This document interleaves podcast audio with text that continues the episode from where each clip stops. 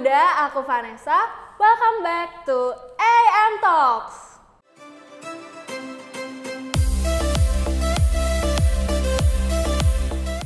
Di episode kali ini kita bakal ngobrol-ngobrol lagi nih. Dan kali ini kita bakal membahas topik comfort zone dan kita bakal ngobrol-ngobrol bareng Kolosius Rico Ferdian. Halo Ko. Halo, Kok, enaknya kita manggil apa biar akrab gitu? udah akrab, eh, Riko aja. Oke, Ko Rico. Oke, Ko. Sekarang kesibukannya tuh lagi apa sih, Ko? Eh, masih kerja, Hmm, ngajar di sekolah, dan di bimbel. oke. Jadi kita langsung tanya-tanya aja nih kalau tentang comfort zone. Sebenarnya menurut Koko sendiri, comfort zone itu apa sih? Em, comfort zone itu sebenarnya situasi di mana kalau kita sudah merasa em, aman, senang dan bahagia dengan segala habitsnya yang ada di situ, gitu. Tanpa merasa insecure, itu comfort zone. Maksudnya kita pede lah ya kok kalau misalkan di zona nyaman gitu. Zona nyaman betul. Oke. Terus nih kok, Koko sendiri menurut pengalaman Koko, Koko pernah ngalamin gak sih di di masa di mana Koko sedang berada di zona nyaman atau comfort zone? Oh pernah banget, pernah banget. Jadi uh, few years ago, um, ketika aku nggak ada di sekolah yang di sini, tapi di sekolah sebelumnya, uh, like I met one friend, like very good friend of mine, gitu. Jadi uh, and that time juga aku kan ngekos juga kan. Jadi uh, sama temen itu tuh banyak menghabiskan waktu bareng gitu. Sampai uh, di situasi di mana tuh aku benar-benar merasa comfort banget kayak I think I prioritize my friend rather than my family kayak gitu sampai after a few years later um, something happened and it has and then and then we got separated some way and then itu di mana aku merasa like I am literally getting out of my comfort zone gitu dan aku baru ngeh oh ternyata itu tuh comfort zone-nya aku gitu loh Karena Koko kayak seneng di situ ya kok. senang kayak no problem padahal mah there are, padahal there were a lot of problems tapi I pretended not to have any problems gitu Oke oke oke. Berarti eh, sebenarnya tuh Koko tahu maksudnya Koko, oke gue lagi eh, ada di zona nyaman nih. Gimana sih Koko bisa tahu gue lagi di zona nyaman? Nah, yang tadi ketika lu nggak perlu merasa khawatir akan sesuatu, ketika lu merasa senang dengan orang-orang yang ada di dalamnya, dan ketika lu tuh bahagia melakukan aktivitas yang ada di dalam itu gitu loh. Nah, comfort zone ini teman-teman uh, perlu di- perlu diketahui kalau sebenarnya untuk mengetahui kalau kita ada di comfort zone itu tuh cukup sulit. Kenapa? Karena um, like we are inside gitu. How can we see that we are inside while we are involving in it gitu loh. Makanya uh, perlu um, yang namanya uh, kesadaran diri sih sebenarnya. Berarti yang perlu perlu banget nih, oh gue lagi di comfort zone nih. Yang paling penting itu yang pertama itu kesadaran diri ya, kesadaran diri kalau oh ternyata gue lagi di comfort zone. Uh, untuk sadar itu cukup sulit sih Iya, Vanessa. benar. Soalnya kan, uh, misalnya gini, we are human beings, were born with the habit of looking for something comfortable, bener ya. Jadi uh, memang kita tuh selalu mencari yang namanya kenyamanan gitu. Iya. Makanya ketika kita sudah merasa nyaman, kita tuh uh, terbiasa untuk menghindari yang namanya tuh kayak uh, kesulitan, yang sesuatu yang yang yang, yang ribet-ribet kayak gitu. Jadi uh, sangat-sangat sulit untuk tahu, eh kayak gue ada di comfort zone deh. Dan ini tuh butuh tingkat kedewasaan yang uh, cukup tinggi. Um, Sebenarnya nggak literally kesadaran diri, tapi um, namanya manusia kalau misalnya belum kena masalah, pasti mereka nggak nggak nggak gitu. Makanya itu sangat-sangat penting yang namanya tuh support system. Support system itu kan yang namanya teman-teman terdekat kita gitu. Yang sebenarnya tuh memang mungkin mereka ada di dalam comfort zone-nya kita dan mereka aware. Eh, eh Vanessa kayaknya lu kok um, gini-gini aja sih gitu. Maksudnya like you have a lot of potentials. Why do you have to stay here only? Why don't you try something new and challenge yourself further? Kayak gitu gitu. Jadi selain self awareness gitu, we also very need what we call as support system. Oke. Nah, selanjutnya itu kita udah tahu nih kita ada di comfort zone. Kita udah tahu, kita udah sadar, kita udah diingetin sama teman-teman yang lain. Tapi kita masih pengen banget di comfort zone. Kita nggak pengen lepas.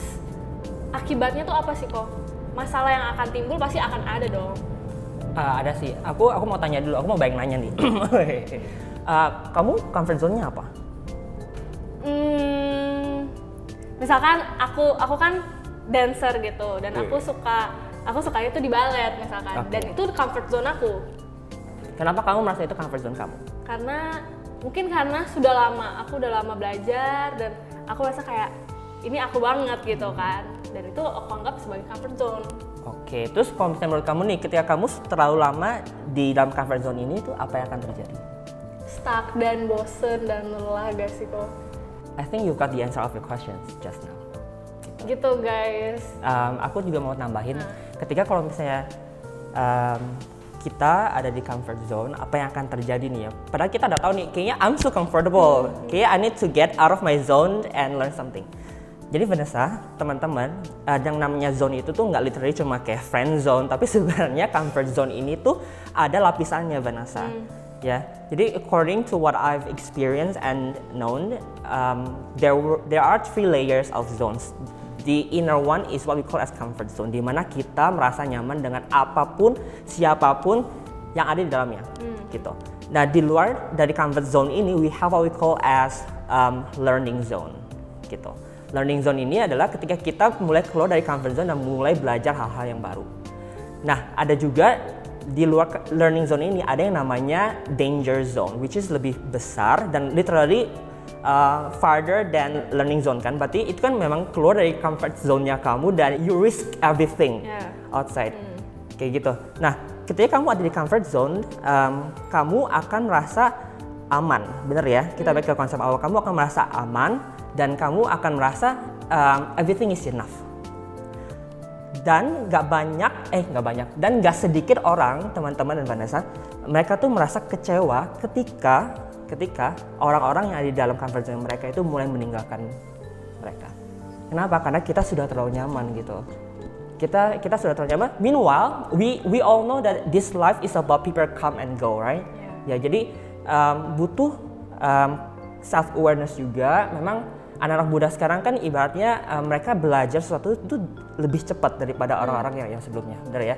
Semuanya tuh lebih rapid dan um, ibaratnya mereka menerima sesuatu yang sebelumnya mereka uh, they don't deserve that yet gitu. Tapi namanya globalization kan cepet nih. Jadi anak muda juga mengikuti dia.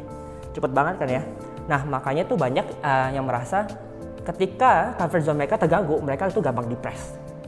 Mereka gampang kayak yang um, apa ya self motivationnya tuh um, kurang. Kenapa? Karena mereka masih sebenarnya emotionally masih unstable, tapi mereka sudah harus mengalami yang namanya uh, kehilangan orang-orang di comfort zone-nya dia gitu, kehilangan uh, sesuatu yang um, I am planning to get this, but I don't get this. Jadi mereka gampang untuk menyerah, mereka gampang untuk uh, merasa discouraged dan nggak banyak eh dan nggak sedikit yang menyalahkan Tuhan gitu. nah, kalau aku boleh kasih saran, uh, menurut pengalaman aku juga ya teman-teman, ketika kamu sadar, oh ada tuh yang namanya zona nyaman instead of zona, zona pertemanan, uh, baiknya sih kita don't don't take everything for granted gitu. Memang uh, kok berarti kita nggak boleh comfortable terus dong? Berarti kita nggak boleh terus ada di zona, zona nyaman dong? Enggak, enggak, enggak harus seperti itu gitu. Uh, you have to be wise to select some people who deserve to be in your comfort zone gitu. Kamu taunya dari mana? Coba kamu keluar dari zona nyaman kamu. Kamu belajar. Kamu belajar apa nih? Misalnya kamu uh, ma- mau ma- mau menghargai orang-orang uh, yang di dalam comfort zone-nya kamu. Kamu berusaha untuk ah kayaknya kok teman gue tuh gini-gini doang ya. Bener gak sih? Temanku gini-gini doang kok kayaknya uh, sempit banget nih. Coba ah gue mulai ikut organisasi ya. Masuk ke learning zone. Bener ya? Terus kamu mulai mengenal satu sama lain. Terus apalagi nih yang bisa. Terus kamu maju lagi ke yang namanya danger zone-nya tadi. Dengan cara gimana? Kamu mulai membuka hati uh, kamu untuk uh, mempercayakan um, dirimu ke orang lain. Bukan berarti yang kayak yang oke I'm, I'm all yours. Apa sorry. Gitu I'm all yours. Tapi kamu berusaha untuk uh, percaya dengan orang-orang yang di luar dari comfort zone-nya kamu. Nah ketika kamu mengalami gini nggak akan 100% successful Vanessa tapi kamu akan sadar ketika kamu ada di danger zone itu, kamu pasti akan nyaring, nyaring kan. Oke ya, oh you deserve to be my uh, to be in my comfort zone. Tapi ada juga yang nggak nggak deserve to be in the comfort zone. Nah, kamu ketika kamu di danger zone ini, kamu mulai menghargai orang-orang yang di comfort zone tadi. betul benar-benar benar Kayak gitu. Jadi pertanyaannya tadi kan gimana uh, cara anak muda yang udah tahu mereka di comfort zone, tapi mereka nggak mau keluar dari comfort zone. Ya ibaratnya uh, zona ya kamu nggak ke mana-mana Padahal kan Tuhan sendiri udah uh, kasih tahu kan kita ketika Tuhan percayakan uh, kita dua talenta, empat talenta dan seterusnya tuh kita harus uh, kembangkan gitu. Kita harus uh, maksimalkan gitu. Kalau kamu ada di, di zona nyaman kamu sendiri nih, gitu, kamu nggak akan kamu nggak akan bisa spread your seeds to any other environment and let them bloom and be blessing for others gitu. Benar-benar. Oke. Okay. They talk too much. gak apa-apa, gak apa-apa kok. Oke, okay, next okay. ya. um, nah, tadi kan udah kayak kita ngomongin akibat terlalu lama lah di comfort zone. Yeah. Sekarang aku udah ngerti, maksudnya kita udah ngerti nih. Oke, okay, di comfort zone ini nggak bagus nih. Kita harus keluar dari zona nyaman. Gimana sih caranya? Oke, okay. sebenarnya siapa yang sebenarnya aku pribadi penasaran hmm. Um, bagus enggak itu relatif. Ya. Oh oke okay, oke. Okay. Ya, menurut kamu bunga ini bagus gak? Bagus. Menurut aku bagus banget. Ikan beda-beda, beda-beda. Ya. Comfort zone juga uh, buat orang tuh beda-beda. Like, um, you know what you have to do, but you have your own choice about what you have to do. Kamu tahu kamu harus keluar dari comfort zone, tapi kamu memilih untuk uh, stay inside the comfort zone. Dan that's your choice. Dan menurut aku anak anak-anak muda um, Tuhan kasih kita tuh free will, ya kan? We are the only creatures on the earth yang dikasih wisdom dan free will sama Tuhan Yesus tuh untuk um, pergunakan dengan sebaik mungkin, gitu. Kalaupun kita nggak mau keluar dari zona nyaman, ya go ahead, that's your choice, gitu kalau kamu mau keluar pun that's good that's your choice also jadi maksudnya apa nih kok gitu loh jadi anak-anak muda nggak boleh keluar dari comfort zone baik lagi kamu tahu kamu punya pilihan dan setiap pilihan itu pasti ada consequencesnya. Gitu. Ketika kamu milih untuk stay inside your comfort zone you know exactly those theories kayaknya kita nggak perlu bahas lebih karena teman-teman pasti udah tahu. Tapi ketika kamu milih untuk keluar dari comfort zone kamu pasti tahu akan ada tantangan dan uh, probably uh, consequences yang harus kamu ambil. Caranya gimana kita bisa keluar dari comfort zone gini. So, um, I ask some my friends about their comfort zones. Terus uh, aku tanya, uh, gimana sih dari comfort zone gitu. Um, terus mereka mulai ngomong ini ini ini itu gitu. Kok nggak nggak kena ya di aku ya kok. Terus aku may, may, may self reflect. uh, aku juga punya comfort zone gitu. But when I uh, took a flashback a few years ago, for the comfort zone that I have uh, successfully gone through, ternyata aku tahu um, sebagai anak muda kita tuh sebenarnya kurang target. Kalau kamu punya mimpi dan kamu tahu kamu harus keluar dari comfort zone kamu dan kamu nggak bisa, itu berarti mimpi kamu kurang besar ketika mimpimu besar gitu, kamu punya mimpi nih. Ya mimpi itu sebenarnya klise. Yeah. Ya klise banget ya, klise banget ya. Uh, like I want to be a, a successful businessman gitu. Itu klise banget. Like you have to make it more specific. Kenapa? Karena by making it specific, you know exactly what is the short term target and long term target. Itu yang namanya tuh kayak you have to do it step by step. Jadi banyak anak-anak muda yang um, mereka tuh dituntut untuk um, keluar dari zona nyaman, either dari eksternal dari eksternal mereka atau dari keinginan mereka, tapi mereka nggak nggak sanggup. Kenapa? Karena mereka belum siap untuk tentuin mimpi mereka. Aku tanya deh ke kamu, kamu tahu nggak mimpi kamu apa? Mimpi aku menjadi orang sukses. Itu mimpi bukan tuh? Uh, sukses tuh banyak banget, um, maksudnya detail sih. Maksudnya that, that's very cliche and general gitu loh um, gini kamu membahagiakan orang tua aja itu udah sukses kamu um, kamu ke supermarket uh, or to or you go to mall and buy anything that you like without looking at the price tag itu aja udah kategori sukses gitu loh makanya you have to make it detail. Kenapa? Karena kalau misalnya kurang detail kamu tuh urge-nya kamu tuh gregetnya kamu tuh untuk capai itu tuh pasti ngawang. Kenapa? Karena dari dari targetnya kamu itu aja udah nggak jelas. Kayak gitu sih buat aku.